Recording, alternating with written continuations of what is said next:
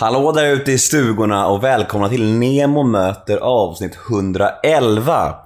Denna vecka gästas jag av programledaren och artisten Lasse Kroner.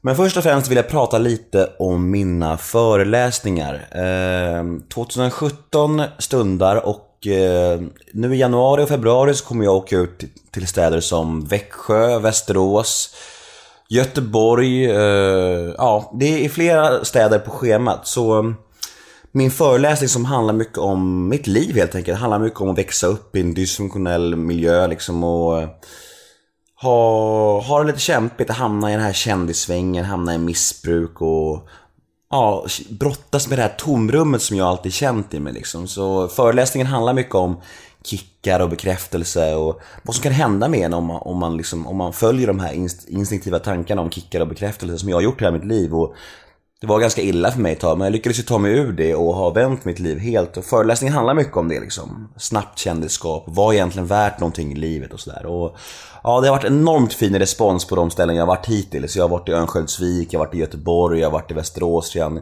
en sväng och det har varit väldigt fin respons. Så jag hoppas fler kommer få upp ögonen för den här föreläsningen, så vill ni boka mig så Ja, det är bara att googla mig. Jag finns på Mia Törnbloms sida talkingheads.se eller på sverigetalare.se snedstreck Nemo Hedén. Så det är bara att gå in och googla Nemo föreläsning så hittar ni informationen. Så, ja, om, du, om du jobbar på en skola eller ungdomsgård så eh, tveka inte. Det, jag tror att den här föreläsningen kan vara väldigt viktig och inspirerande för samtliga ungdomar runt om i Sverige. Så.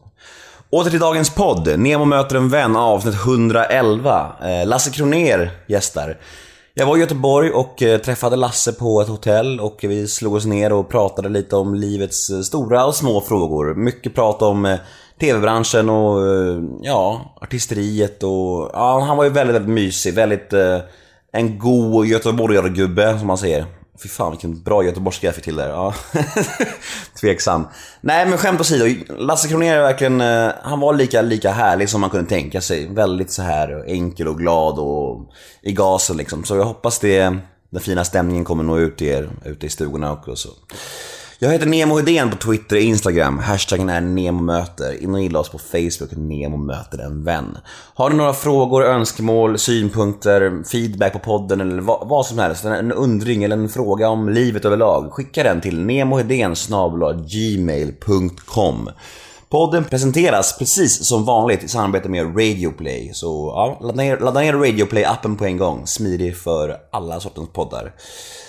Men nog om mig. Dags för Neo möter en vän avsnitt 111. Gäst Lasse Kroner. Rulla gingen. Nemo är en kändis, den största som vi har. Nu ska han snacka med en kändis och göra honom glad. Yeah! Det är Nemo är en kändis, den största som vi har. Nu ska han snacka med en kändis och göra honom glad. Yeah! Välkommen då! Tack snälla. Lasse Kroner. Nemo möter. Äntligen. Äntligen! Hur är läget? Det är bra tycker jag. Det är, söndag i ett regnigt Göteborg och det är eh, sista gigget gjordes igår klockan 02.00. Mm. Så nu är det liksom sådär, ah, jag är ledig. Mm. Vad är ett vanligt Lasse Kroner-gig? Ett vanligt Lasse Kronér-gig är ett... eh, Oj, jag pratar om mig själv i tredje person. Det var absolut första gången i mitt liv. Det har jag bestämt mig aldrig göra. Eh, Mitt fel, mitt ja, fel. faktiskt. Ett vanligt gig ska jag säga. Ett vanligt gig. Är, eh, ofta nu för tiden är det mycket... Eh, ofta är det ett företag som behöver någon som tjötar Mm. och håller i grejerna. Men då, eftersom jag hävdar ju fortfarande med all önskvärd tydlighet att jag är musiker egentligen. Mm. Eh, så försöker jag ju dra in det på musik så då blir det musik också. Nu i natt var det först ett sånt gig och sen var det ett gig med ett camperband liksom Mm. och ropa och skrika med dem lite. Så. Vi kommer återkomma till det där med eh, att ditt ursprungsidentitet och vad du är idag. Och jag tycker det är skitintressant och hur du tänker kring det. För jag, jag, hade, jag träffade Klasse Malmberg i förrgår, din kompis. Eh, och han pratade lite om det och, och, och vi pratade lite om dig och det här om att, ja, att man man har vad man ser sig själv om, sen så blir man något annat, blir väldigt populär som det är lite svårt. Så här. Men vi snackar om det sen, det är Ja, intressant. Men det här med intervjuer och så här, du har gjort väldigt mycket intervjuer och eh, hur är du i intervjusammanhang? Är det, är du, får jag fråga om allting eller är du, skit, Absolut. är du skitless på att prata om någonting eller? Nej, alltså du får prata om exakt allting faktiskt. Det, jag har aldrig stört mig någonsin. Det enda jag stör mig på det är ju att liksom eh, Alltså när man pratar, för jag är ganska öppen, eller jag har alltid varit väldigt öppen. Så då är det oftast att nu kommer någon av de här dårtidningarna och så blir det, så gör de löp på saker man säger. Liksom, och det, det, alltså det, det kan man faktiskt tröttna på. Finns det någon fråga du är trött på? Ja, alltså när det sitter en sån 16-årig journalist på Expressen och säger Hur började detta? Och man ska dra den, hur det började, storyn för 9 miljarder sjunde gång. Och, och det, då är det inte så skönt, för nu för tiden, det, det har jag faktiskt funderat på. Jag lägger, då lägger jag en timme på att prata om mig själv, vilket egentligen är totalt jävla meningslöst. Alltså för mig är det väldigt meningslöst, eftersom jag inte är intresserad av att vara med i de tidningarna. Så då blir det liksom, då lägger jag den timman. Men då har inte hon lagt den timman innan, eller han, på att liksom läsa på vad jag gör. Utan då ska jag lägga 40 minuter av mitt liv på att berätta vad fan jag har gjort. Det, Alltså, är- det, är- helt meningslöst. det är ju en googling bort, så vet man liksom. Ja, Alltså absolut. jag vill ju träffa dig för att få reda på de sakerna som jag inte hittar på internet. Det är ju vitsen. Det är ju lite intressantare. Men därför, därför är det roligt tycker jag nu mer när man när det blir mycket så här, när det blir podcaster och kost, Mm. liksom, alltså när det blir en annan form av, av möte och en annan form av, av snack, vilket jag kan tycka är skitkul. Mm. Eh, men just, just den där vanliga klassiska kvällstidningsjournalist-mötet kan jag tycka är rätt öken. Men Är- annars är det är- inga frågor. Är det det som är det vanligaste felet du upplever att någon kan göra i intervjuer med journalister? Är det det vanligaste felet att folk är då dåligt pålästa eller? Ja, det tycker jag. Jag, ty, jag tycker det är lite o... eh, Ohyfsat nästan? Ja, jag tycker faktiskt det. Och då Mm. menar jag inte att jag ska behandlas på något sätt. Det är absolut inte så jag menar. Utan jag menar bara att det är en självklarhet att inte jag ska sitta och rabbla detta i 40 minuter. Mm. Någonting som, som är, som du säger, en googling bort. Liksom. Så, Så är det. enkelt är det ju. Liksom. Du har helt rätt. Men vi kör lite frågor från lyssnarna, lite frågor som jag är nyfiken på och sen lite frågor som alla gäster får. Ja. Blanda lite friskt då. Kanon. Har du någon uppfattning om mig eller podden alls? Ingen. Nada? Nej. Jag, jag kan säga som Claes Malmberg antagligen sa. För han vet ju inte ens vad, Han vet faktiskt inte vad det är ens. Om jag ska vara helt ärlig. Eh, Men han är nog den av alla de du har intervjuat som har haft sämst koll. Jag är bäst koll rent tekniskt. Det har jag bäst koll. Men jag har ingen aning. Mm. Men det är ju okej. ledsen. Jag blir inte, jag blir inte kränkt i någonting. Nej, Nej. nej, visst, visst. Nej, men du är ändå välkommen. Lite, lite kränkt så. Lite kränkt blev jag. Nu, nu händer det fantastiska i mitt liv. För nu är klockan exakt 12. Ja. Då får jag börja snusa. ja, men kör, ta en snus så kör vi igång. Och då blir det färgfilm för mig. Ja, är det så? Liksom bara, då öppnar sig hela livet igen. Är det så? Men då är du ju verkligen beroende. Skojar du väl? Nej men alltså på riktigt. Ja, men, jag är verkligen beroende. men, och va- varför har du satt regeln till klockan 12 just? Nej, det är bara för att jag snusar så jävla mycket. Så det får man ha lite paus eh, fram till tolv. Och så blir det just färgfilm. Mm. Alltså hela dagen blir bra när jag lägger in denna nu. Nu kommer jag liksom bli ja, Hur mycket snusar du? väldigt mycket. Över en dos om dagen? Mer. Två doser om dagen? Typ. Är du grinig fram till första snusen? Eh, fråga min redaktion på SVT. Jag tror, inte jag, jag tror inte jag har några möten innan tolv längre. Nej. Men nu var du trevlig mot mig! Ja, ja, men, Proffsigt kanske bara. Jag kan ju vara proffstrevlig. Ja. Nej, jag skojar. Det är löjligt. Men den här branschen du har varit en del av i 30 år, först som musiker, sen som programledare. Är det fortfarande lika kul? Alltså, och, och vad är den stora skillnaden från 30 år sedan och nu liksom? Alltså offentligheten tänker jag på. Alltså, giggen är ju lika kul som de var. Det- Så jag kan sakna lite grann att vara i en grupp. Alltså, jag gillade att, att tillhöra en grupp som jag gjorde i väldigt många år. Eh, Efter det så har jag turnerat mycket med, vi säger, en turné med Kalle Moraeus där, en turné med Andreas Jonsson, en turné med... Alltså så man har, man har gjort andra grejer i andra former av grupper. Nu är det just nu i denna perioden i livet så är det ganska mycket ensam-gig. Och det kan vara lite tjötigt. Alltså jag har ju lyssnat på varenda talbok som existerar på jorden liksom, och kört varenda mil som går att köra på våra vägar. Liksom, och Du får börja lyssna på Nemo-möte kanske? kanske det. Ja, du ser. Ja. Ja, det är kanske det jag måste börja göra nu. Säljer mig själv till gästerna. Ja, exakt. Det är bra. Jag träffade faktiskt Kalle Moraeus och intervjuade honom förra veckan. Och då sa han också att du kommer... Tjock han är du. Ja, han är, han är tjock. Eh, det är väl fan Claes Malmberg också? Ja, jag är smalast av de tre tror Det jag. tycker jag att du är. Moraeus sa i alla fall också att du är helt fantastisk. Det känns som att du verkligen är Du är ju älskad och folklig så här, men också bland kollegorna. De verkar skit- älska dig. Både, både Claes Malmberg och, och Moreus hade bara lovord att säga om dig. Både, både att du var härlig och hade massa bra stories och du, är så här, du vet, och hade ett djup och var lite svärta. Du vet så här, du, jag bara, fan vad vad jävla hyllningar du får. Alltså, det är väldigt roligt. Nu är, du, nu är ju de två dock... Nära vänner kanske. Ja, alltså de har jag jobbat mycket med. Eller Claes är ju väldigt, väldigt nära vän. Alltså Claes är ju den närmsta vän jag har liksom. Eh, Mm. Är det sant? Claes ja. Är ni bästa vänner? Ja, vi är absolut bästa vänner. Men shit. Alltså närmast. Och det har vi varit i 35 år. Liksom. Vad häftigt att jag träffade han igår och du dig Ja, ja. Ja, det, alltså han är jättebra. Kalle, Kalle och jag har ju jobbat ihop liksom. Mm. Sen, vi träffades mu- Musikhögskola 80 liksom. Mm. Eh, alltså det är ju fantastiskt egentligen. Jag, jag har ju ett annat sätt att jobba tror jag än, än andra så att säga, programledare. Så de, de jag känner i branschen som är med i programmet, de får nog väldigt mycket värme av eh, hur jag jobbar. För jag, jag, jag har gjort mitt program, eller mina program eh, på SVT har jag gjort på ett sätt som, som jag skulle vilja uppleva att bli behandlad som artist eller gäst i ett tv-program. Och jag, jag har varit så länge, eller så mycket på den andra sidan så jag vet hur jag inte vill bli behandlad och vad jag inte vill göra. Utan jag vill känna trygghet. Det är det enda. Vi är trygghetsnarkomaner, vi som jobbar med detta. Liksom. Eh, Vi vill vara safe, vi vill vara liksom, och är vi safe så är vi ofta väldigt, väldigt duktiga. Och det har jag tagit fasta på, framförallt i Dopi då. Som jag, eh, jag har skrivit det programmet och jag har skrivit hela dagen, jag har skrivit upplägget. Och jag, alltså där är jag som ingen annan programledare, för där skriver jag skriver allt manus själv. Alltså varenda, varenda ord som sägs, varenda fråga, varenda låt, varenda, var- alltså allt. Så det jobbar jag väldigt mycket med och det finns ju ingen annan programledare som gör så. Men det gör också att programmet blir väldigt mitt. Alltså, eh, jag har skrivit allt manus men sen händer ju ingenting av det jag har skrivit ändå. För det är ju, det är ju väldigt mycket på uppstuds liksom. Nej men det är så intressant det där med Doobidoo. Vi skulle komma till det. Du, du, du berättade, du, du svarade på frågor som inte har kommit till det. Jag är, jag är körklass på jorden. Nej men alltså att, att Nemo, du vet att vi måste eh, ta en eh, kaffepaus snart. Så att det, du vet att du vi har hållit på i nio minuter. Ja, men du måste trycka på den och bara Ja. pausa. Nu? Då får jag springa. Vill jag nu? Ja, jag springer jag då. Mm. Får du, du kan, kommer du sitta Kan du ta en till mig också? Vad sa Kan du ta en till mig också? Självklart. Ja, men, mjölk gärna. Mjölk. Ja, Mycket schysst. mjölk, en liter mjölk. Ganska mycket. Jag ska bara kolla var vi är någonstans. 126 tror jag. Lasse Kronér. Sällan har jag fått en så varm och sympatisk eh, första inblick av en människa som eh, den här stunden. Påminner om när jag körde med eh, Håkan Juholt. Vilken enorm värme. Vilken... Vilken karisma, utstrålning som bara liksom utstrålar god människa. Det är så jävla häftigt med sådana människor tycker jag. Jag blir verkligen... Jag blir lite blown away här.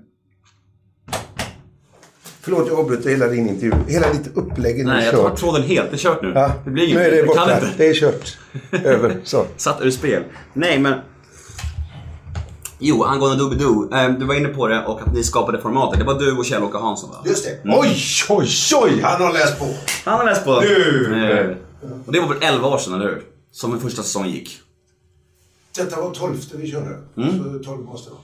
Måste känna, men nu, just, just, det att just det att det gör ju er ganska unika i nöjes-tv-Sverige. Alltså, måste, det måste kännas helt sjukt att, att du lyckas med en sån sak. För att, och, och få göra allting själv och styra Alltså, vad, som, vad som är väldigt roligt med Dobby det är ju att det är ett, ett, eh, ett gammel-tv-program. Och hela mitt upplägg med det programmet var att göra ett gammel-tv-program. Jag fick, jag hade precis sprungit, eh, hoppat av Bingolotto, hoppat av Slash, slutat. Eh, och hade, jag var ju egentligen kontakterad till TV4 egentligen.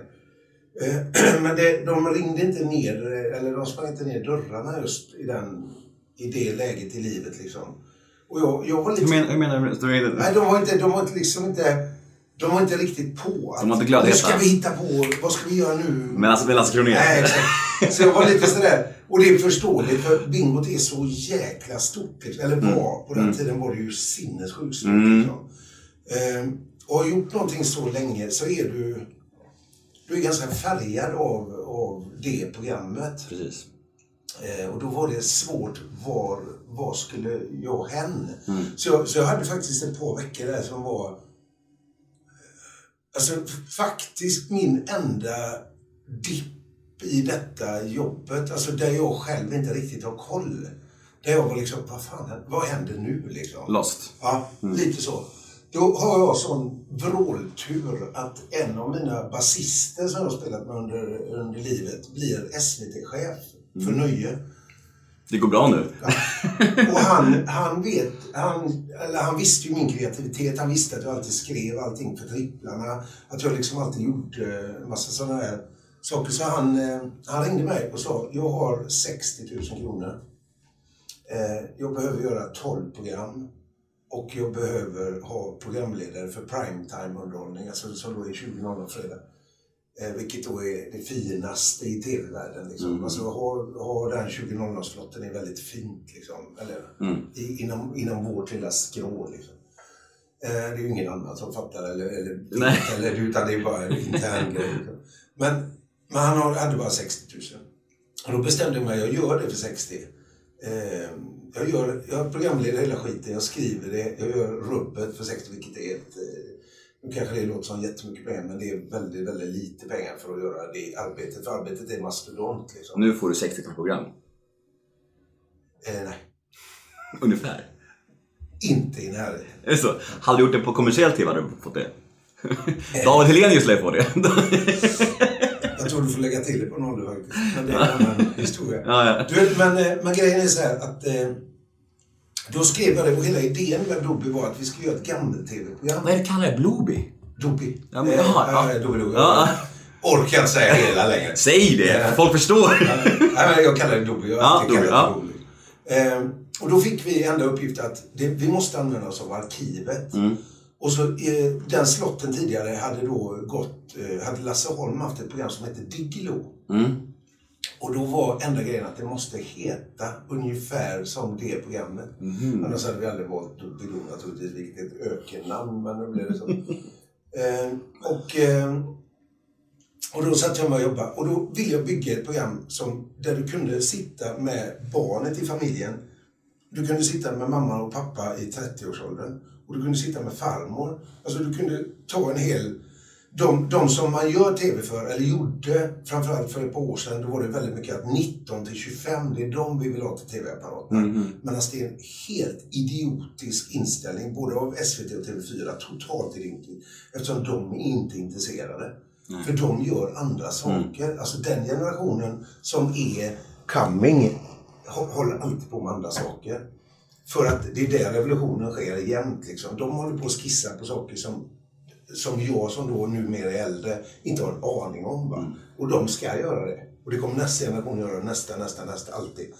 Men 19 till 25, det var, det var SVT och TV4 jätteinriktade på att det är de som är de viktiga. Det är de som kommer bli TV-tittarna i framtiden. Medan man då inte förstår att TV-tittare blir du när du skapar familj, när du får familj, när du vill ha detta. När du inte hänger på ns, ns ställena liksom. Så, oj, så då byggde jag det här eh, med Kjell-Åke. Att gjorde ett sånt riktigt gammalt familjeprogram. Alltså på det sättet som familjeprogram var förr. Och det, det var helt meningen. Så, så då blir liksom inget... Alltså det är inget märkvärdigt. Men det är just det som gör det märkvärdigt. För idag är allt så fruktansvärt märkvärdigt. Det är så... Allt, alltså det är så, det är så dum tv ibland så jag får panik. Tycker jag. Och det tycker inte jag Dodo är faktiskt. Utan Dodo är väldigt... Brill- Briljant i sin enkelhet. Ja. Ja, men det, är, det, är, nog, det är nog det är framgång, väldigt lätt. det är nog framgångsreceptet. Jag tror att många TV-recept försöker lite för mycket. Ja. Det blir verkligen så att det blir verkligen konstruerat och det ska vara avancerat och så här för det ska vara så, speciellt. Men ibland behövs ju inte det och det är ni ett levande exempel på. Alltså vad som är, vad som är, jag är väldigt glad för denna säsongen framförallt. Jag, jag har varit lite i konflikt med min arbetsgivare. Eh, vilket man, alltså, man kan, eh, ibland kan man få ryta till lite. Eh, och det har jag gjort den här i år på min arbetsgivare, för jag tycker att min arbetsgivare har varit rätt kass. Eh, när vi har premiär i slutet på augusti som vi hade då, så har vi inte, vi finns inte med, fortfarande inte, alltså inte idag om du går in och tittar, så finns vi inte på svt.se. Vi, existerar, alltså vi är ett icke-existerande koncept. Varför? Ingen aning. Jag ska upp imorgon till Stockholm och prata om just detta med dem. Jag ska skälla. Så jag, eh, jag håller på håller på att pumpa biceps nu. Men alltså, men just med Doobidoo, du, ni har hållit på i 11 år. Är, är, är, det- är det programmet 12, 12 säsonger nu? Är, är det lika kul att göra det då fortfarande som början? Ja, Det, det går inte att göra om inte jag tycker det. Nej. Alltså det för det funkar inte. Du måste... Eh, det bygger helt på... Glädje? Och så bygger det på improvisation så mycket Mm. så då måste man vara... Jag, jag, jag ser det så här, och det har jag sagt hela tiden, att så länge, så länge det finns utvecklingspotential, så länge man kan gå åt andra håll och liksom hitta på nya grejer, för jag är så kreativ. Så, så länge det finns eh, de vägarna att gå, då, då är det roligt. Alltså, Under den tiden. När, det, när jag känner att, ja men vänta nu, vilket jag kände faktiskt för ett par säsonger sedan. Eh, men då ändrade vi ganska mycket sen efter det och då blev det roligt igen liksom. Bestämmer du även gästerna? Eh, ja, det... Får jag vara gäst? Det beror på, det beror på hur vi fixar... Nej, men det skulle du kunna vara. Men det beror helt på hur, hur tänket är. För vi, alltså, vi tänker ju i varje program att okej, här behöver vi en och så behöver vi den typen av person. K- kanske som, om några år kanske? Ja, det alltså... Vi kikar på det. En, en av de största frågorna jag får, som jag nästan får varje dag, det är att...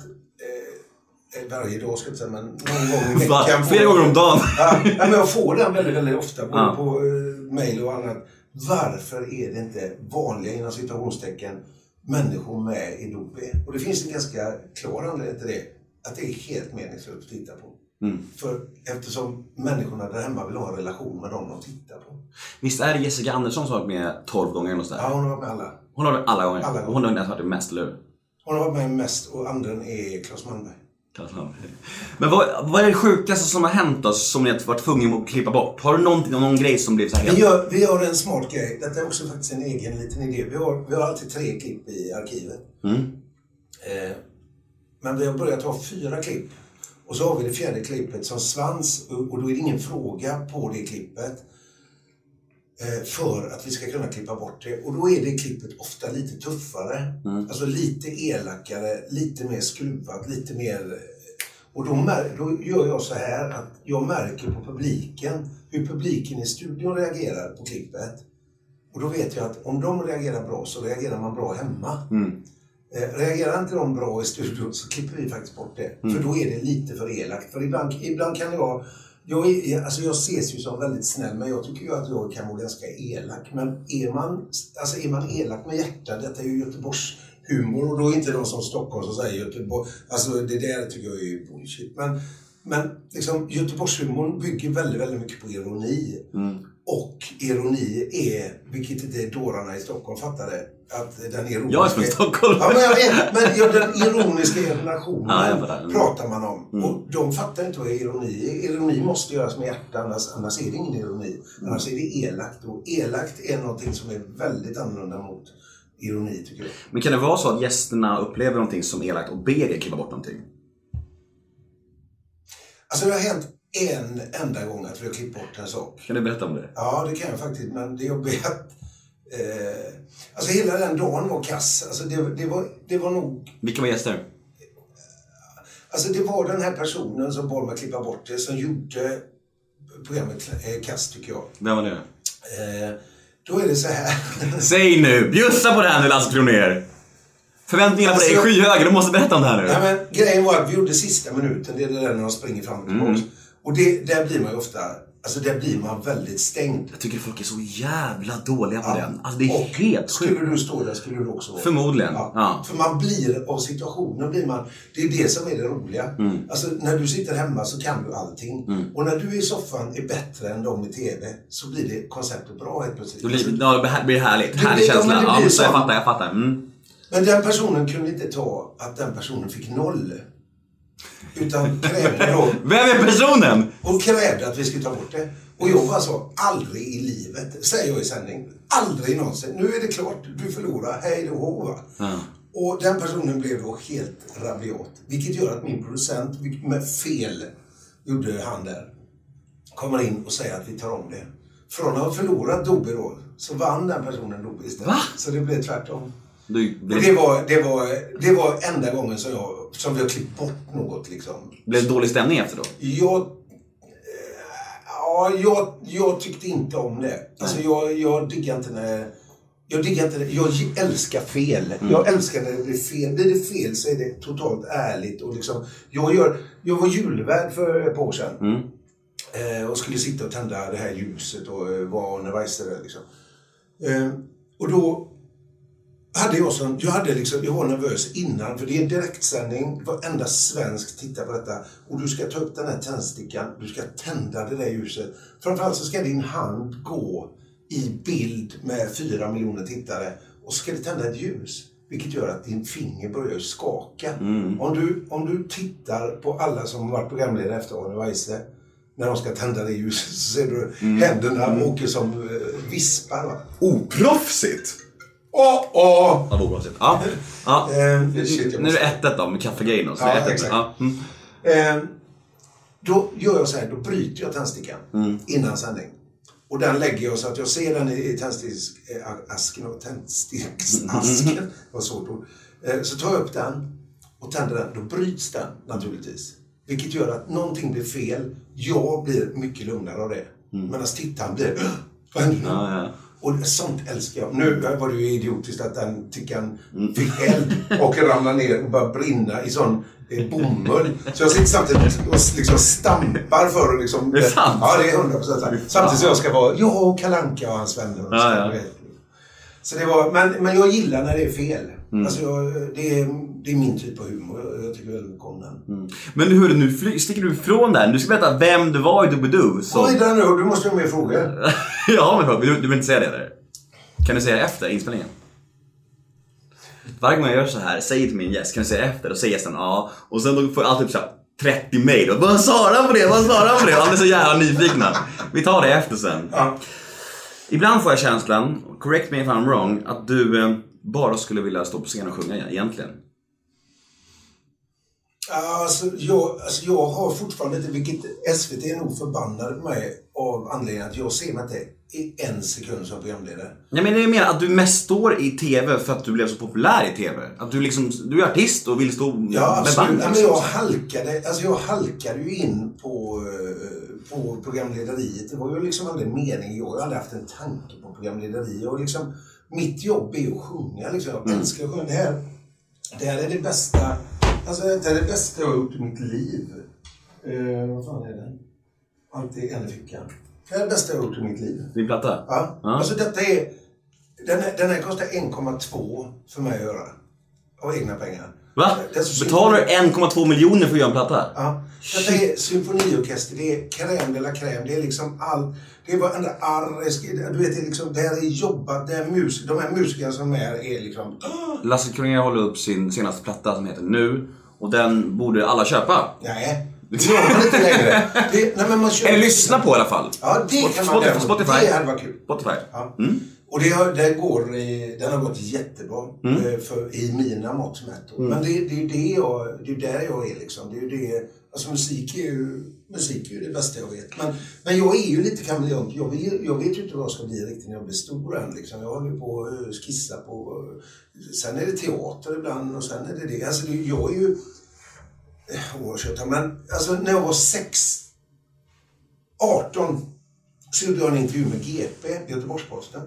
En nu nedlagd tidning. Men då, då var första sidan, hade jag på den, då fick jag första sidan vilket på den tiden för mig var helt sinnessjukt. Alltså att jag bara var där. Och då stod det, var rubriken, jag skulle vilja jobba som Björn Skifs, var min rubrik. Och så när jag har tänkt på den ibland, så har jag tänkt, ja, alltså utan några jämförelser naturligtvis. Vä- Hörru, vänta nu. Nu ser jag att den här mickjäveln är för fan åt fel håll. Den här. Den här ska ju vara... åt det här- Så här ska det vara.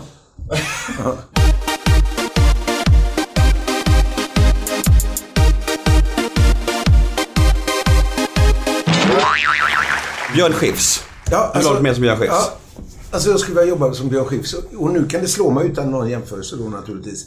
Att det där gör jag liksom lite grann. Jag gör TV, jag gör skivor, jag gör scenuppträdanden, jag gör turnéer, jag gör liksom eh, företagsgig. Jag gör inte film, tack gud, eftersom jag har gjort. Så det är liksom, men, men alltså man jobbar på det sättet att man verkligen får rota i allt i det här roliga jobbet liksom.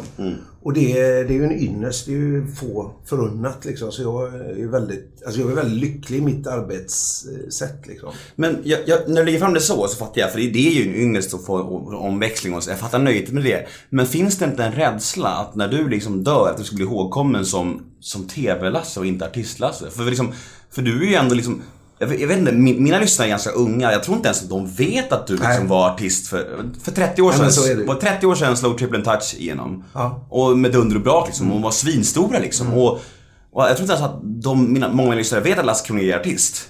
Nej men det tror inte jag heller. Det, alltså, Finns det märker rädsla för det? Ska Nej, inte rädsla. Absolut inte rädsla. Men, men det finns ju en... en eh, men, men det är återigen, det andra är ju också så roligt liksom så att det spelar ingen roll. Jag vet ju själv. Alltså jag sitter hemma och skriver musik jämt liksom. Mm. Alltså jag, det är ju min, eh, alltså det är ju min terapi på något Mm. sätt liksom. Det är ju, och jag, jag trivs ju jättebra med det men jag märker ju varje gig jag gör så när jag ställer mig och så har jag tjötat, tjötat, tjötat och så sen gör jag en låt så kommer folk för herregud, kan du sjö... Du vet, Mm. hade ingen aning. Och så är det ju. Idag framförallt så går ju media så sinnessjukt fort. Jag menar förr, alltså när jag var i... Hur gammal är du? 29. Ja, när jag var yngre, säger jag då istället. Mm. eh, så var det ju liksom, alltså det fanns en TV-kanal. Mm. Alltså alla tittade. Var man med i Hylands hörna så var man, alltså så kunde man turnera i parkerna i 30 år med den låten man körde där. Mm. Alltså det var ju ett annat... Eh, idag är det liksom, du har ju hela världen vid dina... eh, En knapptryckning så har du sett eh, Beyoncé på scen igår liksom. Alltså det, du har allting idag. Men att du betalar 1,2 miljoner ur egen ficka för, för att få göra din platta, är inte det helt bisarrt? Varför- Hur kommer det sig då? Får du inga finansiärer? Liksom, Ja, men det, det, hade jag, det hade jag ju naturligtvis. Alltså, jag har... Alltså, men grejen var att plattan var viktig att göra för det, den är ju liksom... För mig är ju det en... Eh, alltså det är ju en... Okej, där stod jag på förra plattan. Där var jag, de här tankarna tänkte jag då. Nu är det, här är jag nu liksom. Sen nästa skiva. Men, men grejen är att där är ju problemet med Spotify och Apple Music liksom. Eller Apple Music är ju bättre men- men att... Att du idag inte får betalt, att du får sno musik, det vet ju inte folk liksom. De betalar 99 spänn i månaden och så premiumladdar de liksom. Men musikerna får ju inte eh, får ju inte den degen de ska, tycker inte Nej. jag. Liksom, och, och därför kommer vi inte få några Michael Jackson eller Stevie Wonder i framtiden på grund av att vi får en massa diskjockeys som gör musik. Liksom. Eh, vilket jag kan tycka är utarmande. Eh, musikerkåren är ju en, en eh, tror jag, lite släkte som är på väg eh, åt fel håll. Alltså jag, jag tror man måste, upphovsrätt är jävligt viktigt. Alltså även när det gäller foto, film, alltså allting. Upphovsrätt är liksom något som är viktigt. Och nu pratar jag inte egen sak att jag vill tjäna mer pengar. Det är absolut inte så. Utan jag tycker att upphovsrätt är viktigt. Hur går det till då när du skriver musik? Hur går processen till? Alltså det, ofta, är det, ofta är det någonting jag får någon... Eh, alltså det är något som har hänt. Alltså jag är väldigt öppen i mina eh, texter framförallt. Liksom, och då, då är det något som har hänt och så vill jag göra det. Sen kan man, sen kan man se att ja, jag är inte skivartist. Jag har aldrig mina skivor. Alltså den skivan som har sålt mest har sålt 30 000. Det är ju liksom inget, det är inget man eh, drar sig tillbaks med liksom. Så jag är ju inte skivartist på det sättet. Jag har ju alltid varit scenartist. Jag har alltid jobbat jättemycket på scen liksom. Giggar du varje helg? Ja, nästan. Mm. Det gör jag nog. Du, du, är eftertraktad alltså? Ja, jag, jag har... Eh, alltså jag får ju mer gig än jag vill ha i alla fall. Eh, så Du måste vara bäst i världen på mellansnack tänker jag. Mellansnack är jag bra på. Det är jag faktiskt väldigt bra på. Men jag har, jag har en väldigt rolig grej som jag, jag fattar inte varför jag gör så här. Men jag gör så här varenda gång. Bara för att jag ska bli nervös. Så varje gång, som igår då till exempel, skulle jag upp på scen. Det var, kan det vara, 900 pers, 1000 pers någonstans. Var blir det någonstans? Ja, det var uppe i en... eh, Det var för ett stort företag som fyllde 30 år. Och så alla deras kunder och så här, ett stort kundevent. Liksom. Eh, Där ska jag in på scen. Men då bestämmer jag att då ska alltid första 10 minuterna vara totalt improvisativa. Så jag bara går in och vet inte vad jag ska göra. Typ stand-up Ingen aning. Ja men absolut, och bara köta.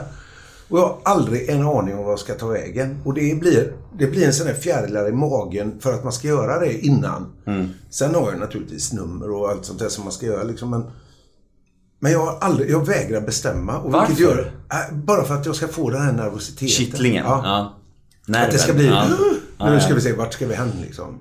Och det det är lite äckligt men fram, eh, samtidigt är det väldigt eh, inspirerande när det går bra. Liksom, nu går det ju ofta bra för annars hade jag inte gjort så liksom. Men, eh, men man lär sig hur man ska tackla en sån situation. Och det är det jag gillar, att få den där fjärilen i magen. Liksom, att det, det är det som är drogen tror jag genom att hålla på med detta. Alltså en direktsändning. Till exempel förra lördagen gjorde vi en stor direktsändning med Bingolotto fyllde 25 år. Och då ska man göra fyra timmars direktsändning.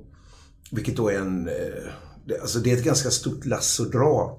Och då har man den där innan, att just direktsändning, då kommer den där fjärilen. Och det är det som är knarket lite grann. Att har man fått den känslan en gång så vill man så gärna eh, ha tillbaks den där. Jag tror det är därför man håller på så mycket. Gud, jag känner så jäkla väl igen det där. För jag gjorde mitt avsnitt 100 live häromdagen. Min Ah. första livepodd inför publik. Det var 200 pers, det var slutsålt så här. Då gjorde jag en liveföreställning då. Med, Vad med, kul. Ja, först. Och det var avsnitt 100, det var live.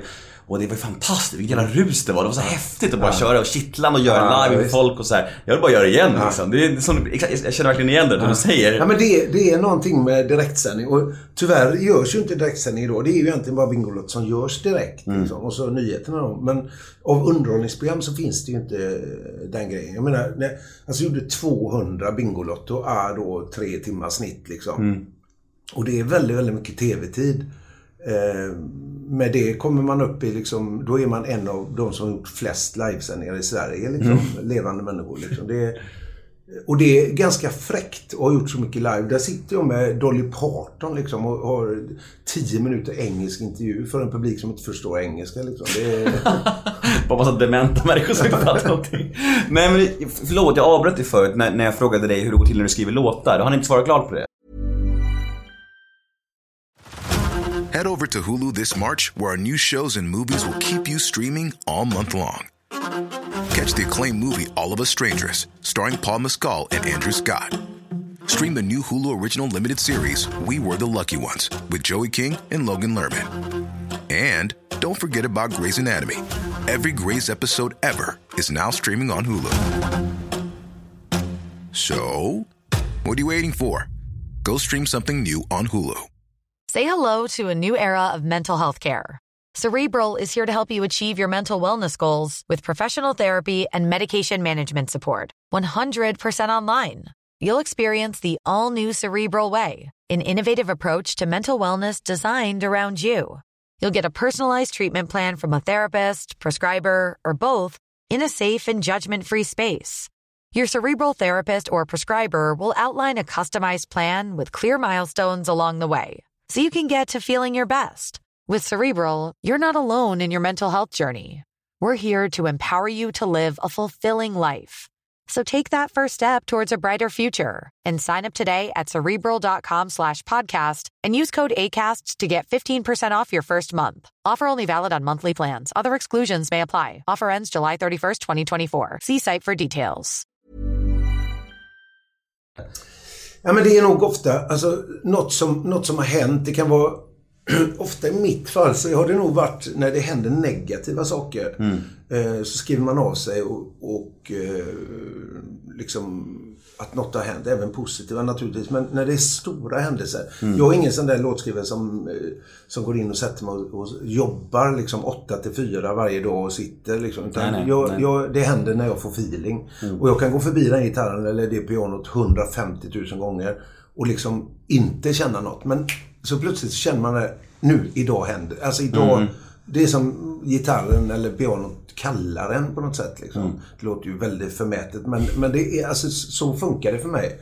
Och musik, alltså skriva musik, jag har ju alltså, jag har så mycket låtar hemma så det finns inte på kartan liksom, som ligger i byrålådor. Men jag skriver ju dem bara för att att jag liksom, det är någonting som man behöver få ur sig. Det är kanske som att gå till en eh, samtalsterapeut eller något sånt där för andra. Liksom. Det, det är mitt sätt att... Din terapi. Ja, min bearbetning. Och det, det funkar jättebra för mig. Liksom.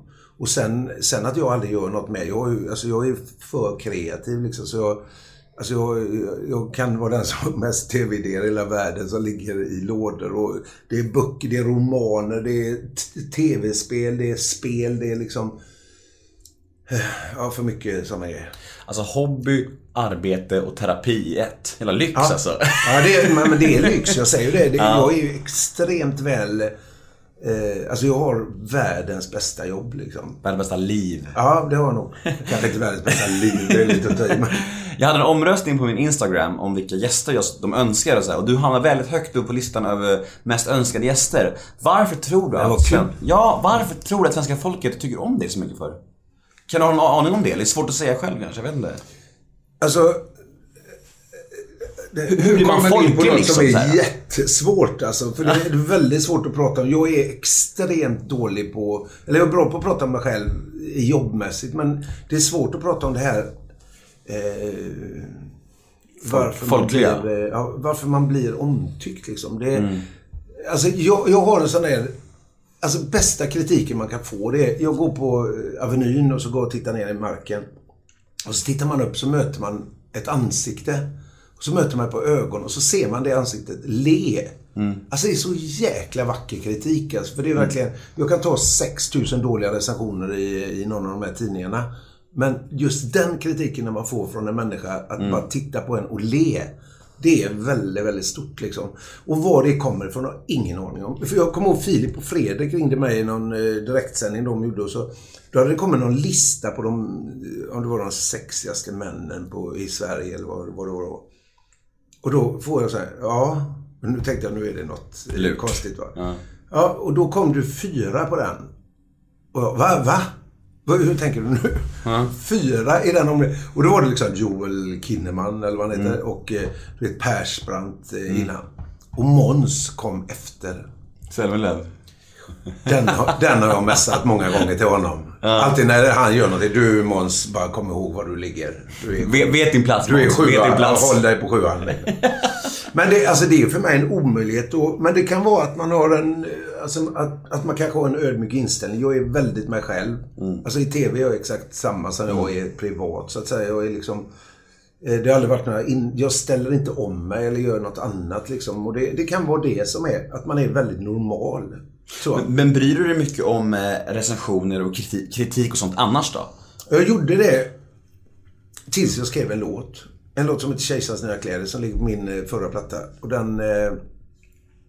Eh, när jag hade skrivit den så bry, efter det brydde jag mig. Och det, Varför? var, Varför? det var ett sätt att skriva bort eh, den grejen ur mitt liv. Liksom. Innan dess var jag väldigt så här, titta, tidning, oj, titta tidningarna, hålla... Åh, vad säger oh, Hur gör de? Ängslig. Nu, nu vet jag liksom, har jag gjort en premiär på någonting så vet jag vad jag gjorde dåligt själv. Eh, Jag vet vad jag gjorde bra. Jag vet att där... eh, Alltså jag vet, jag vet vad jag har gjort fel och så här. Så jag kan inte... Och när man gör så mycket som jag har gjort så orkar man inte riktigt ta i det. Sen är det ju jätteroligt när det blir... Alltså vi är ju lite...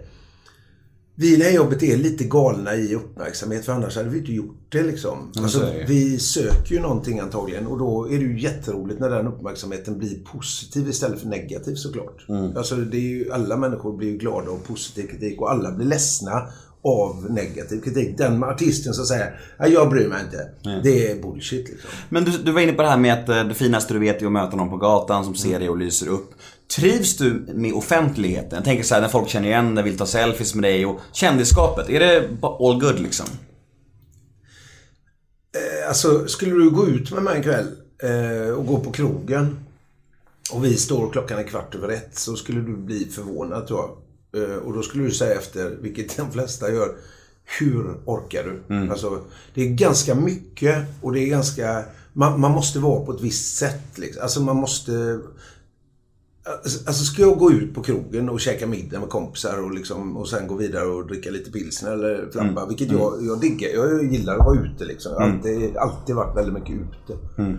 Ehm, då kan man... eh, Då vet man att idag så är, se, så är ser dagen och kvällen ut liksom. Eh, Och då måste man vara förberedd på det. Känner jag mig liksom att jag idag orkar inte jag med folk, då går inte jag, eh, alltså då går inte jag ut.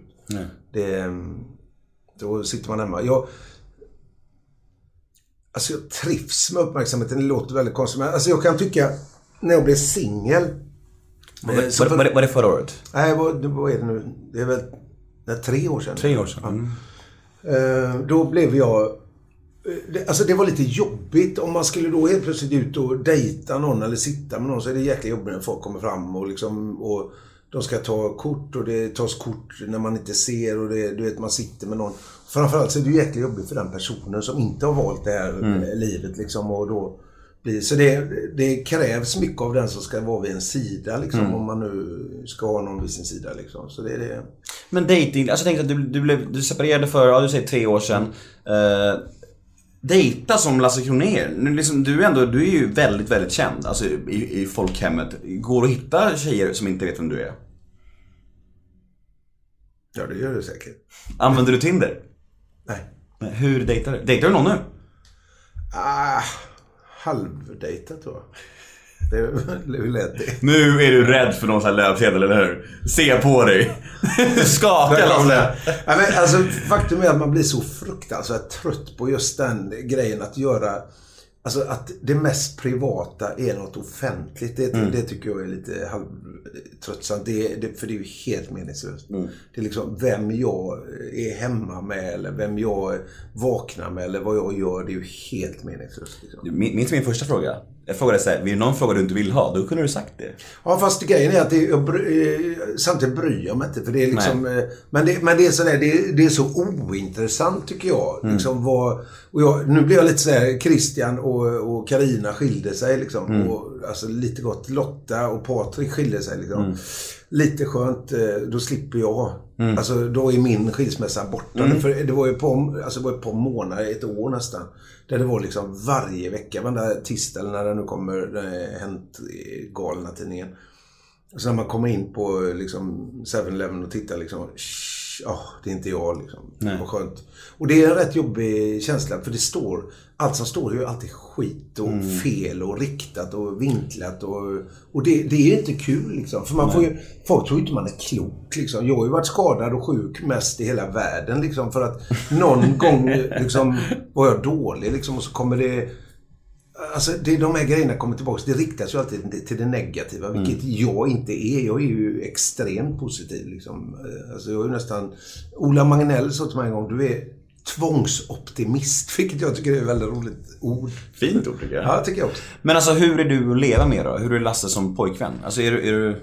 Kan man svara på det? Extremt eh, bra. Mm, Så. tror du det? Ja, det tror jag faktiskt. Jag är väldigt rolig, väldigt generös. Extremt för generös faktiskt. Är det så? Eh, ja, väldigt Härligt. snäll, väldigt eh, påhittig, väldigt... Eh, jag tror jag är bra. Jag tror faktiskt jag är bra. Bra. Eh, du ska egentligen fråga min exfru om det. De kommer nog inte svara samma sak. Nej, jag tror inte det. Nej. Jo, det gör hon. Det är jag helt säker på. Ha, är ni goda vänner? Ja, det är vi. Ja, fint. Eh, Men vad i din karriär är du mest stolt över? Kan du peka på någonting som du känner att det där kommer jag alltid ha ett gott öga till? Ja, alltså det, det är faktiskt en ganska dum grej. För det, för det är sånt här minne, så, men det, det är ju någonting som bara är sådär ego. Eh, 1995 så invigdes VM i Göteborg i friidrott. Vilket var en sanslös stor grej. Och den här invigningen sändes då i TV och eh, sågs av 260 miljoner människor eller något sånt där. Liksom. Jättestort. Och där skulle vi vara med och gigga och göra ett nummer där. Vilket var kul. Och så kommer de innan sändningen. Så helt plötsligt hör jag dem prata och då är vi på Ullevi. Ullevi är packat, det är 50 000 människor på Ullevi. Så hör jag eh, Kurt-Erik Holmqvist som var arrangör för detta säger Herregud, vi har ju glömt någon som tar hand om publikuppvärmningen för publiken. Och detta hör jag. Så säger jag till Kurt-Erik, jag kan ta det. Va? Ja, men jag, jag tar det. Ge mig bara micken så tar jag det. Och så gick jag ut där på inneplan i då min stad inom situationstecken. Alltså min, där jag, är, jag är hemma liksom. Så går jag in på Ullevi och 50 000 och bara kör. Vilket år, vilket år var det här? 95. Ja. Och så körde jag bara och det, blev- det var sådär. Alltså det var bara en jätteegotripp och när man fick igång alla och det var liksom... Eh, alltså det var bara en sån här, det, det är min... Det var en sån här grej som bara jag levde på liksom. Mm. Och det, sen är inte det något som sändes eller gjordes något med eller någon skrev om. Eller Men något. det finns för här mig inne. Var, Ja, precis. För Fint mig ju. var det grymt skönt liksom. Det var så här, och framförallt hemma. Jag har, alltid, jag har alltid lagt upp min karriär i, i små, små steg liksom. Alltså när jag stod på gatorna så var mitt nästa steg, tänk att få stå vid kompassen och lira någon gång liksom. Jag har aldrig tänkt sådär, åh jag vill till Madison Square Garden. Utan jag har tänkt nästa trappsteg liksom hela tiden. Och det gör att, eh, det tror jag har gjort, mm, gjort det lättare att bli glad varje gång man, får, man når en framgång liksom. Eller framgång, eller jag har aldrig tänkt framgång egentligen men liksom, alltså, mm, eh, jag har, fått, jag har fått göra det jag vill hela tiden och alla de här små stegen har, har uppnåtts eh, på, på något sätt. Liksom. Och det, det, kan, det kan faktiskt ibland kännas lite så här, ja men nu har jag ju gjort allt detta liksom. Ja men då kanske man vill göra det igen och så men så känner man, ja men vänta nu, det har jag gjort liksom. Så man, det, det är svårt det där när man, det är som att komma in i en Apple-butik liksom. Fan vad jobbigt det är, man har allt liksom. Är du rädd för att eh, det ska tystna? Är du rädd för att eh, telefonen ska slu- sluta ringa och erbjudandena, erbjudandena ska sluta komma? när man, när man är frilansare så tror jag, tror jag alla vi som håller på med det är lite eh, rädda för det. Alltså det, det tror jag faktiskt man är, men det är inget jag tänker på. Men skulle man märka att det helt plötsligt börjar dippa lite så känner man kanske att oj, det kan vara så. Du, du, du är nog safe. Nej, jag vet, det vet man aldrig, men, men som frilansare är man ju sån. Man liksom, det är därför man ofta tackar ja till allting. För när det ringer ett gig nu, för nu ringer de, nu är det typ nästa oktober som de ringer dem. Eh, typ ett år fram är man ofta. Då. Och ringer de nästa oktober, märker man då, ja, det är rent, jag tar det. Och så sen när man kommer till oktober så ringer du mer, så att säga, ju närmare giget du kommer. Och då, shit varför tackar jag ja till detta? Alltså du vet, det men, men det vet man ju aldrig innan för då tror man ju att varje gig är det sista liksom. Som man får. På något konstigt sätt. Det är, man, är, man är lite sån. Det är lätt att säga ja. Jag, gjorde, jag tog faktiskt ett beslut som var, som var ganska... Jag gick in i väggen rätt hårt för ett par år sedan. Eh, och, och jag hade aldrig... Jag har alltid trott att det där går in i väggen. Alltså, det, Det är fake. Ja, det är totalt... Alltså det finns inte. Det är bara någon som kommer på Hittar detta. på. Ja.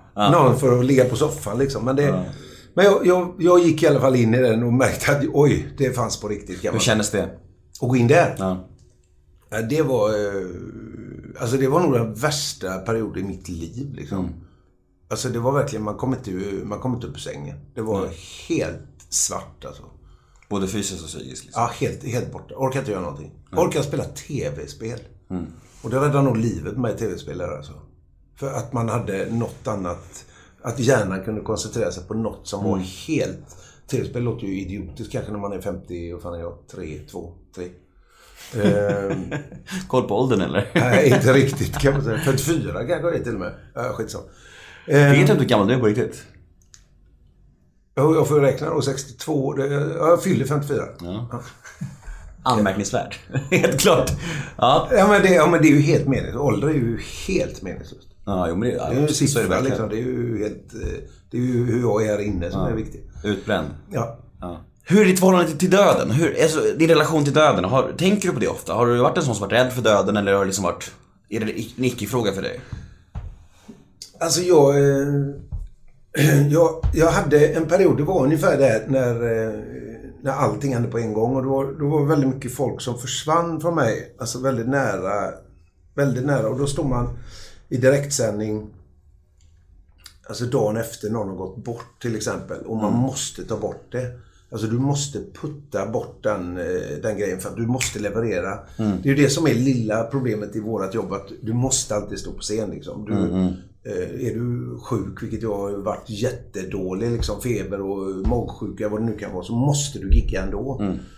Och det är ju... eh, Så, så det gör ju att man putter bort, men allt det du putter bort läggs ju naturligtvis i en ryggsäck någonstans. Och en dag så måste du öppna den här ryggsäcken. Och det var väl det som hände när, man, när allting exploderade för mig.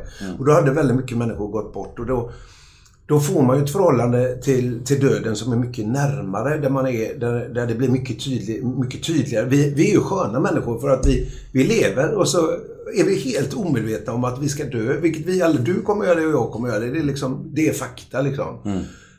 Men vi, vi är helt omedvetna om det och det är rätt skönt att vi kan gå omkring här och bara flabba och vara sköna och, och vara glada och så en dag så, ja, det var det. Eh, Så jag, kan- jag kan inte säga att jag är rädd för det. Jag, jag har en väldigt stor tro på att, jag, alltså jag tror, eller jag, jag är nog fan övertygad om att det här är ju en del i vad som hända skall liksom.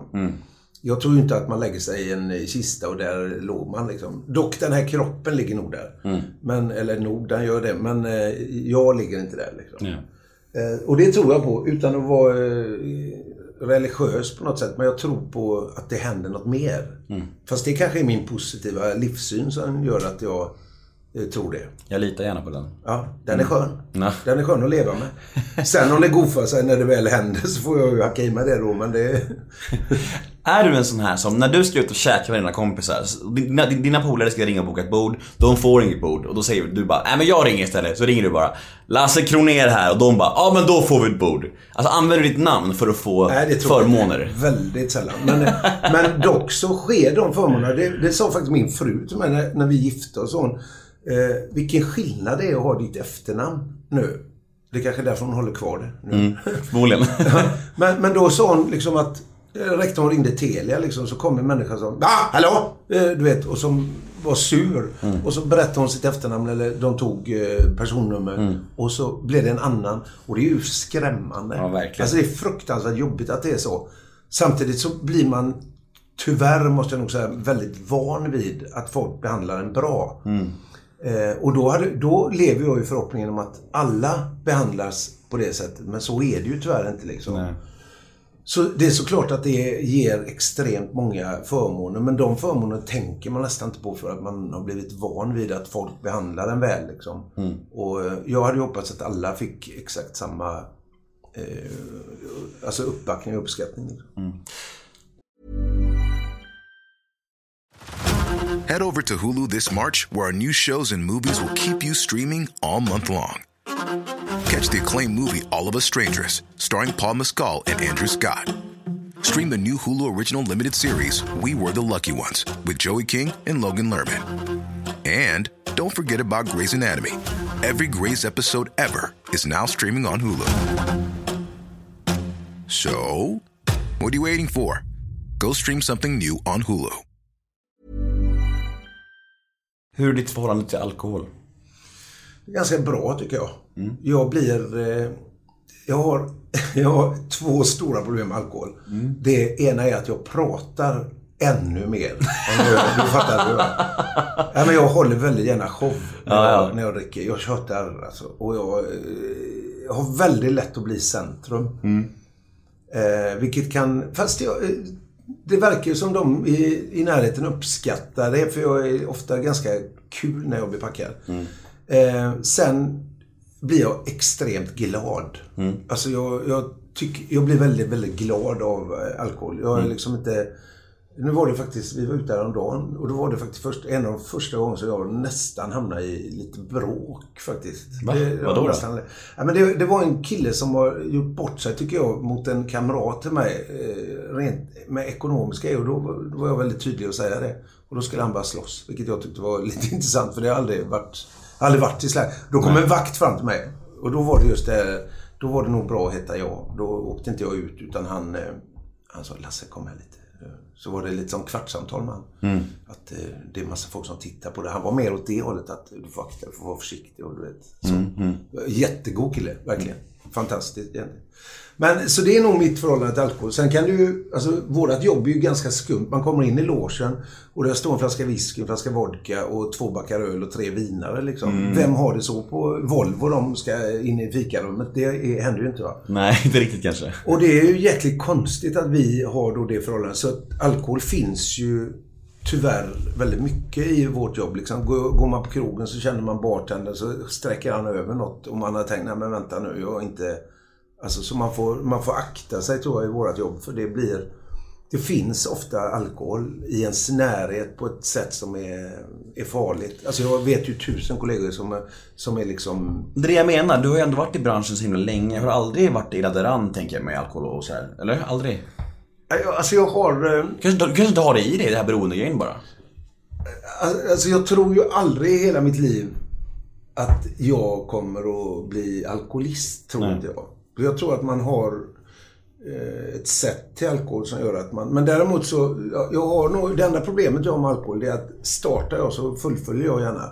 Alltså jag är inte bra på att sätta mig och dricka ett glas vin till, eh, till middagen och sen är det bra liksom. Nej. Utan jag kör och då kör jag liksom.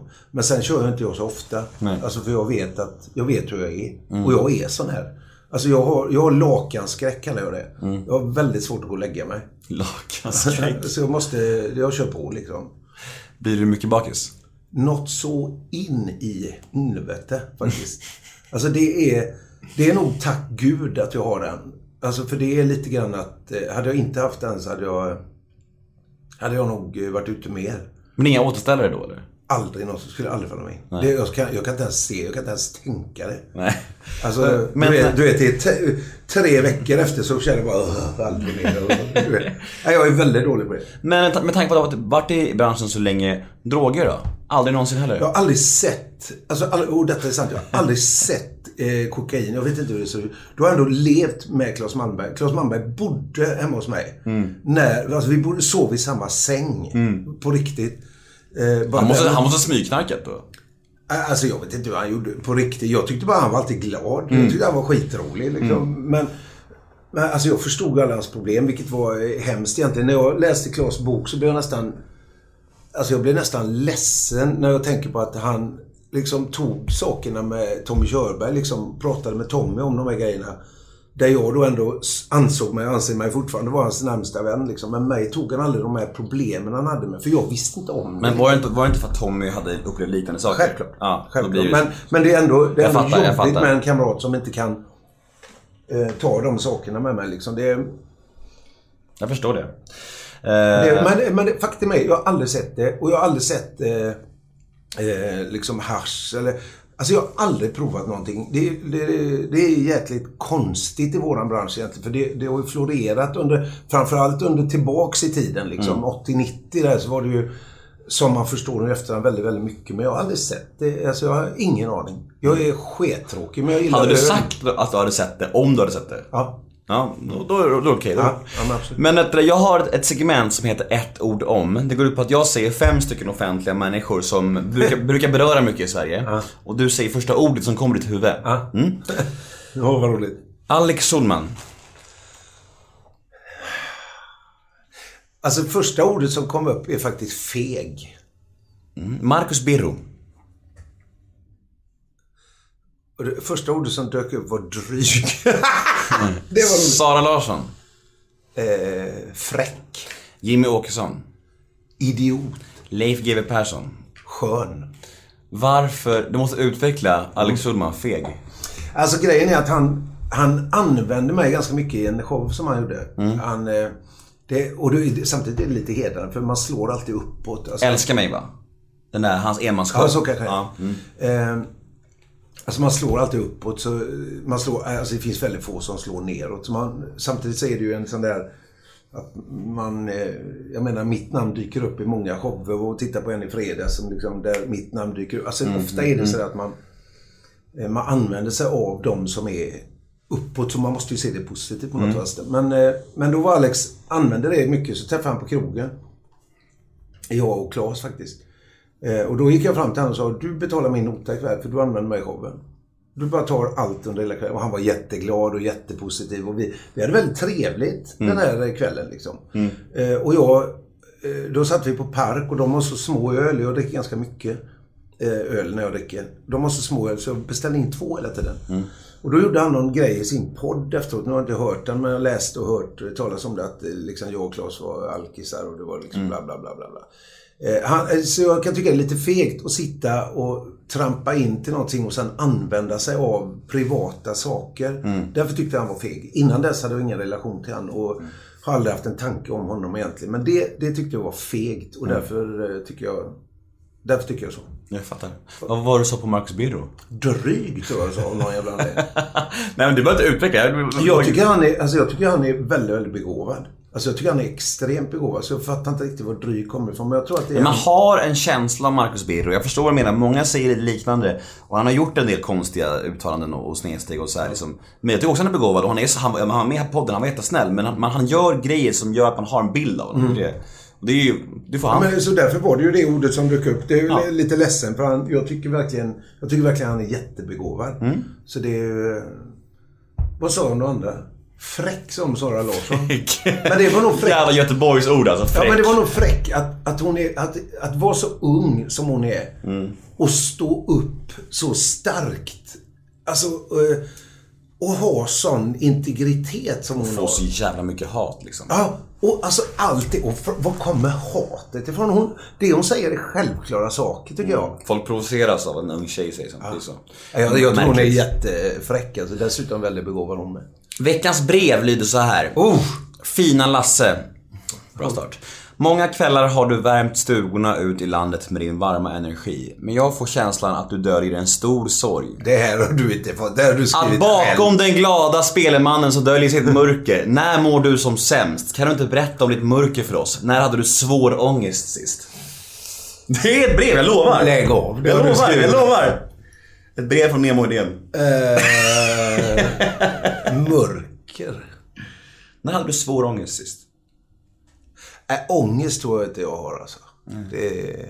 jag, kan- jag kan nog ha haft någon ångest när man vaknar upp. Eh, kanske hade lite bak, eh, alltså i lördags kanske jag hade lite ångest över det här bråket. Så jag har aldrig varit i bråk Nej. på det sättet. Eller bråk, det var inget bråk men det var en meningsut... Eh, en lite gapig historia liksom. Eh, det kan man ju då ha lite helvete. Alltså varför gjorde jag så? liksom? Varför, varför gick jag inte bara? Varför vad skulle jag ta det för? Men inga, inga mörker. Alltså det var den, den perioden som jag berättade om när det var liksom... eh, När man var inne i, i svackan. Då var, då var det mörker. Alltså då var det mörkt. Framförallt så var det jobbigt för att jag reagerade, alltså min kropp reagerade på ett sätt att det blev svårt att gå på scen. Alltså jag hade svårt att ställa mig på scen. Så jag, jag var sjukskriven. Eh, Men då sjukskrev jag mig bara 75% även att jag var 100% väck egentligen. Men då, bara för att jag ville ta ett gig i månaden. För att jag visste, jag inte det giget i månaden så kommer jag aldrig upp på scen igen. Liksom. Jag, jag var verkligen... Alla, alla i vår bransch, alltså ju mer man öppnar sig om detta när jag gjorde det på den tiden då, så märker man att alla har ju varit i en sån här, alltså vi som jobbar på det sättet på scen liksom. Alla går någonstans igenom en, alltså någon form av scenskräck, någon form av där du får liksom kanske är plötsligt att vänta nu, är jag bra egentligen? Kan jag fixa detta? För det krävs mycket varenda gång du ska gå upp där liksom. Det krävs en jäkla självförtroende och det är svårt att ha bra självförtroende samtidigt som du ska hålla dig på mattan. Alltså att inte fara iväg och bli liksom eh, bli någon du inte är liksom. Nej, jag fattar. Det är nästan det svåraste med detta jobbet, att hålla sig...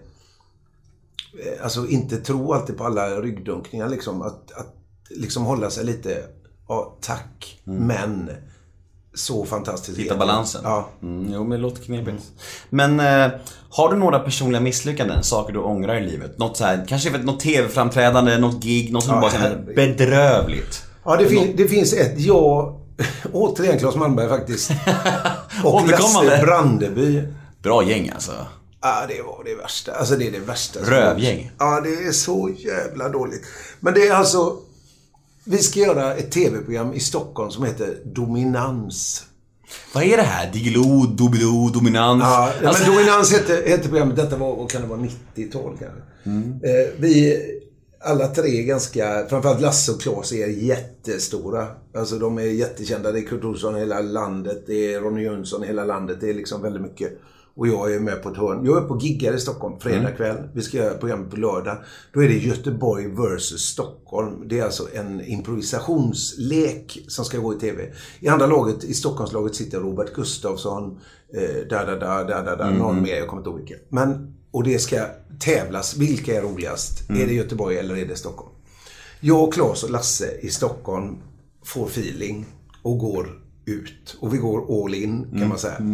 Och vi, vi, eh, vi är typ klara nu. Va? Alltså vi, vi håller på ganska länge och vi har väldigt roligt och är väldigt roliga.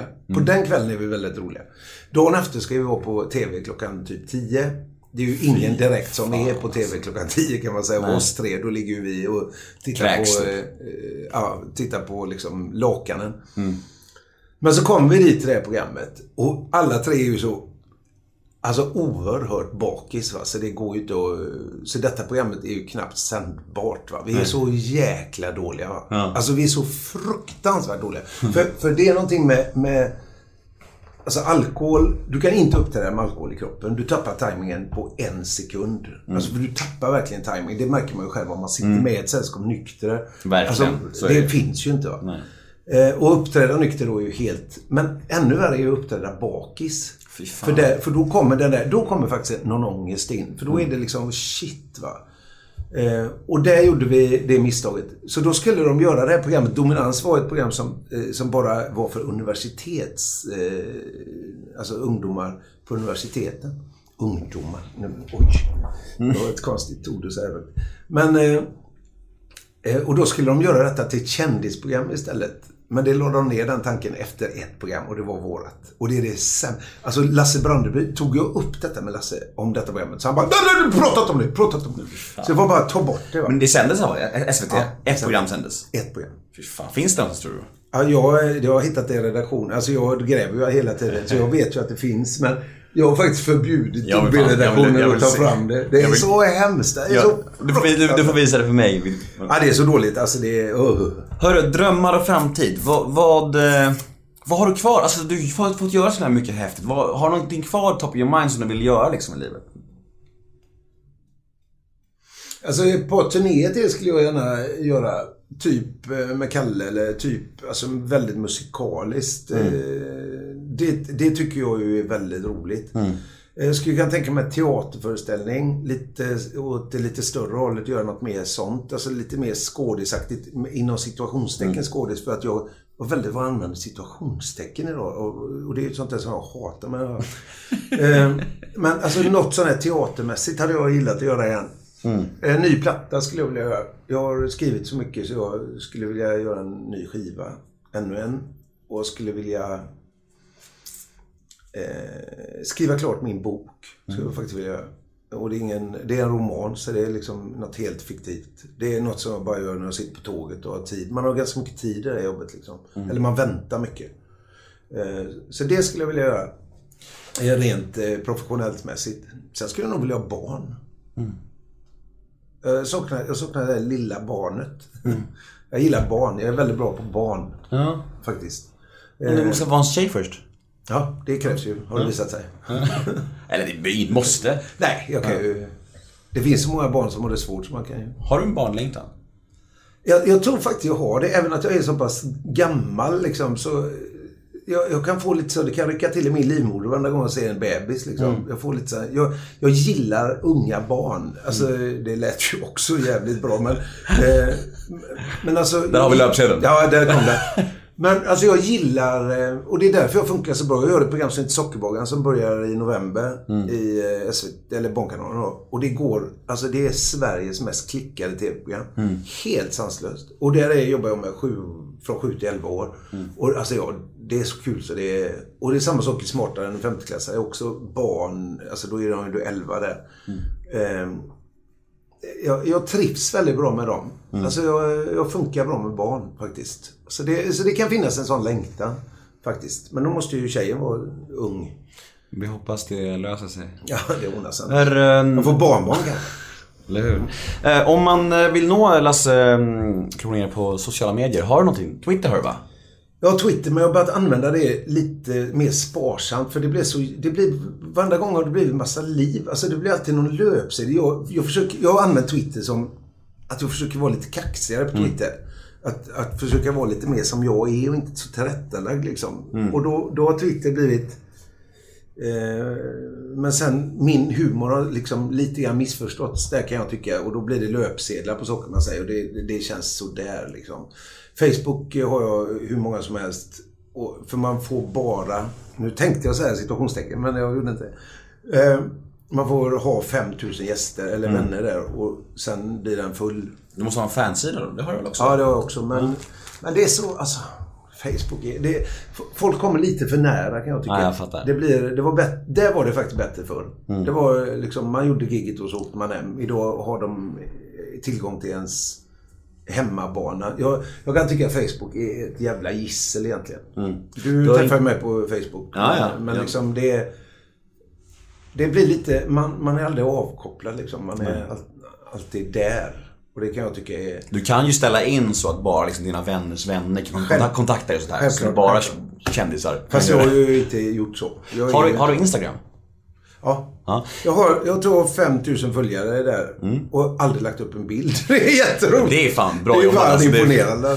In och följ Lasse Kronér på Instagram, Twitter och så. Kom, kom över 10 000 Ja. så ska jag fan lägga ut en bild alltså. ja, Det- är mitt mål. Det kommer du få efter här podden. Perfekt. Jag heter Nemo Hedén på Twitter och Instagram. Hashtaggen är NEMOMÖTER. In och gilla oss på Facebook, Nemo möter en vän.